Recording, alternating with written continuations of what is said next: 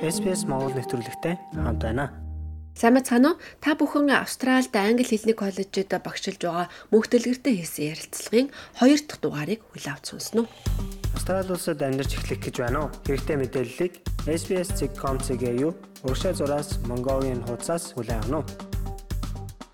Өөр та коллежид сурж байгаа монгол оюутнуудад хандаж яг ийм нарийн зөвлөгөөнүүд юу байна? Дотор нь байгаа хүний хувьд те монголчуудаа өгөх. Тэгээд ер нь бол эхлээд ирэхдээ өөрийнхөө төвшинг маш сайн тодорхойлох хэрэгтэй. Би ямар төвшнгөөс хэлэх гээд байгаа вэ? Одоо манайхан эрэхтэй ингээ ажиглаад тахад яаж яах гэхээр ер нь хийх нь зарим нь beginner, зарим нь intermediate төвшнгөөс эхлөө их явж байна.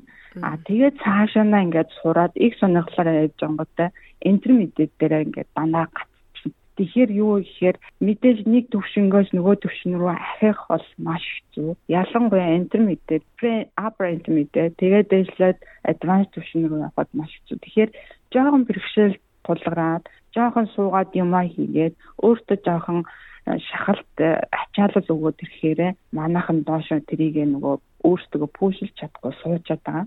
Тэгэхээр тэрнээр л дахиад нэг өөртөө даачлаад тэгээд байгаа бол бид нар ерөөсөө хэлнээр одоо асуудалгүй хамгийн гол зүйл нь спикинг буюу ярианы чадвараа маш их сайжруулах хэрэгтэй. Ер нь бол ингэдэг л дээ хэлшинжлүүлэг хэлийг сурах процесс бол input output гэж байдаг. Input гэдэг нь мэдээллийг аваад тарих өөрөө боловсруулад тэгээд тодорхой хэмжээгээр output буюу гаргалтыг дандаа хийжээж гадаад хэллийг сурах процесс маш төгс буюу явагддаг байхгүй юу.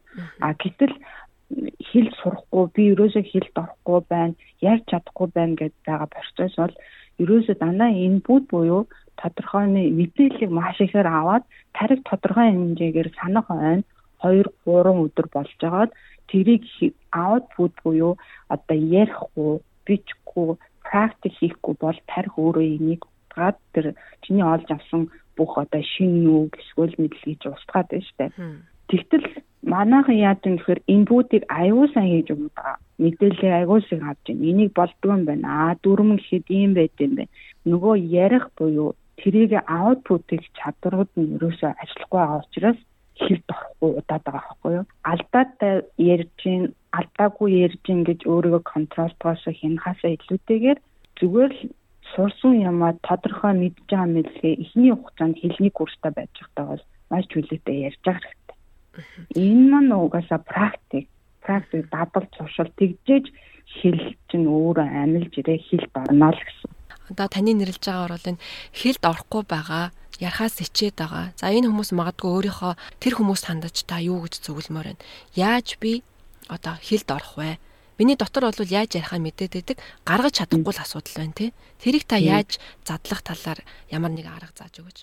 Энэ бол ердөөсөө ярих ярих энэ л байгаа. Тэгээ practice хийх, practice дадлах хийх. Чичгүйдээ, буруу ярьчихгүй гэж ердөөсөө бодох.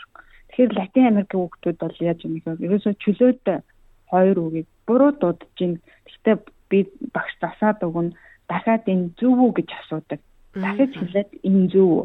Дараа нь зөв болсны дараа аа гэд тэр хүүхэд тухайн хичээлээс гарахдаа нэг өгүүлбэрийг хэлээд багштайгаа харьцаа үүсгээд гарч чадчих байгаа байхгүй юу? А тэгэхэд Аз болон манай Монгол хүмүүс бол өө за би мэддэм чинь ойлгомжтой юм чинь. Энийг тухайн үед нь би явчиндаа гэдэг тиймэрхүү сэтгэлгээгээр харилцаа үүсэхгүй зүгээр ингээд гараад байгаа байхгүй. Тэгэхээр ям сурыг үл багштайгаа бас илүү сайн харилцаад ярилцаад авах хэрэгтэй гэсэн нэг санаа эндээс гарч ирж байна. Мөн ангийнхантайгаа өөр хоорондоо одоо энд давуу тал нь юу вэ гэхээр олон улсын оюутнууд ажиллаж англи хэлээр би биний ойлголцсон. Тэгэхээр ангийнхантайгаа чөлөөтэй ярих. Өдөр хичээл дээр заахтаа заавалчгүй би тэдэн тодорхой хэмжээний тим сэдвэр хажууд сууж байгаа хүнтэйгээ багштайгаа яриад явандаа гэсэн бас нөгөөс зориг тэмүүлэл байх хэрэгтэй байхгүй юу. Тэгээд нэг өдөр нэг өгүүлбэр хоёр өгүүлбэрээр ярилцчээ дараа нь хэдэн өдрөө жилийн курсууд явж байгаа бол хэдэн өдөр ямар боломж байна. Аа. Тийм ээ. Тэгэхээр тийм л боломжийг өөрөө өөртөө гэж өөрөө өөртөө дандаа урагшлуулах, тэмүүлэлтэй өнөөдөр би энэ өгүүлбэрийг хэлээд багч. Энэ одоо мэдээллийг авчий гэдэг тийм бодолтойгоор сурах хэрэгтэй. Тэгэхгүй би 4 цагийг яаж иж байгааг нь өөрөө би маань ядраад байна. Би өөртөө энийг сурахгүй тэгж тэгж энэ тодорхой хэмжээнд явж байгаад би англи хэл сурахгүй байна. би хэлд орохгүй байна гэдэг бол өөрөөсөө шалтгаалж байгаа асуудал байгаа. Тэгэхээр эцэст эргээл нөгөө миний урд нэрсэн зориг гэдэг чинь байгаад байгаа байхгүй. Одоо хоёул бол бас харьцангуй зориг тавьсан хэлний курс сурж байгаа хүмүүст хандаж сайн нэлээд ярилцлаа. А тэгвэл Австралид байгаа монголчуудын за монголчууд гэлгүй ер нь бусад улсын бас нэг хэсэг байдаг. Тэр хүмүүс бол хэлгүүч гэсэн амьдраад болоод байгаа. За өнөөдөртөө бол болоод байгаа тий. Монголчуудынхаа дунд ажиллаад гэртээ ороо монголоороо яриад ажил дээр очоо монголоороо яриад им жижиг хүрээндээ ингээд амьдраад болоод байдаг. Тэд нэр хэл сурахгүй 5 6 жил амьдарсан ч хүмүүс бас байна. Тэр хүмүүст хандаж та юу гэж хэлмээр байна вэ? За тэр хүмүүс хайрцангуй энэ гэр бүлийн нэг нь хэлтэй байна.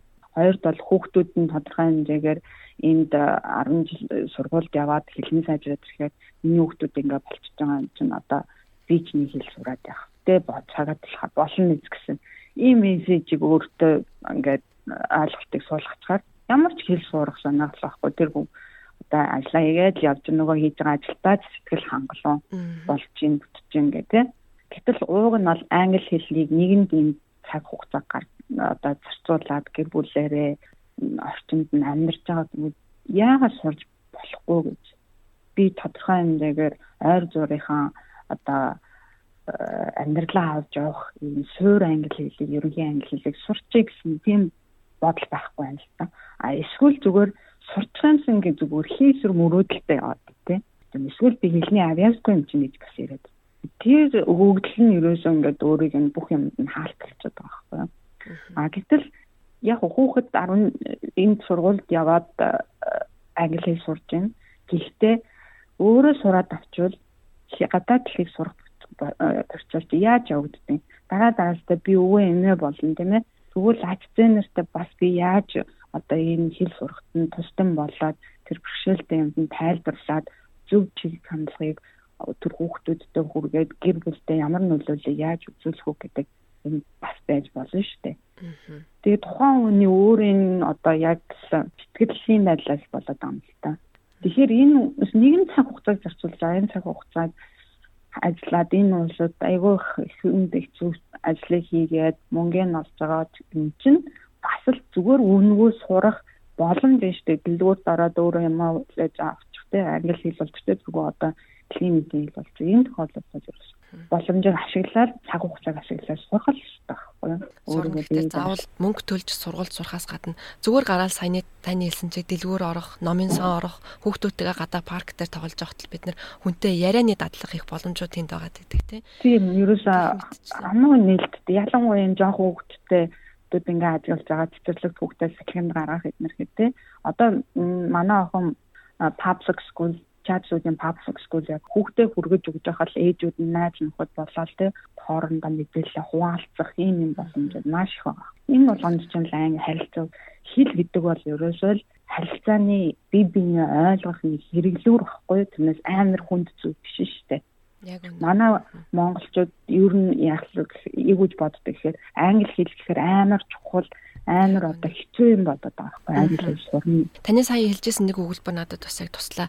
Гэр бүлийн нэг нь англи хэлтэй. Тэр гэр бүлийн амьдралын бүх алхам, урагшлах, ухрах бүх зүйл зөвхөн тэр хэлтэй хүнээс хамааралтай болж байгаа учраас нөгөө хэлгүй хүн бол тэр хүний одоо муугар хэлэх юм бол гарт ордог гэж бас тийм судалгаа байдаг юм билээ. Тэндээс болоод гэр бүлийн олон төрлийн асуудлууд үүсдэг. Хэлгүй хүн нь маш их одоо тэрийг илэрхийлж чадахгүй учраас ганцаарддаг, найз нөхдөдөө болж чадахгүй байдаг, маш жижиг хүрээлэлд ордог гэх мэтчлэн сэтгэл санааны асуудал ч бас эндээс урган гардаг юм байлээ шүү. Тэгэхээр хэлийг бол заавал тэгж хүнд зүйл гэж ойлгохгүйгээр өнөөдөр та өөрийгөө нээх, өнөөдөр энэ байгаа улсынхаа соёлыг ойлгох, байгаа улсдаа ямар үйл явдал өрнөж байгааг ойлгох хэмжээний хэлтэй болоосай. Магадгүй хүүхд чинь энд сургуульд сурдаг болвол ирээдүйд хэдхэн жилийн дараа ихэд та хүүхдтэйгээ ойлголцож чадахгүй болчихгүй гэдэг бас ийм үүднээс хилээ сурах хэрэгтэй байна да гэж би бас харж явж байсан юм. Тий, яг зөв.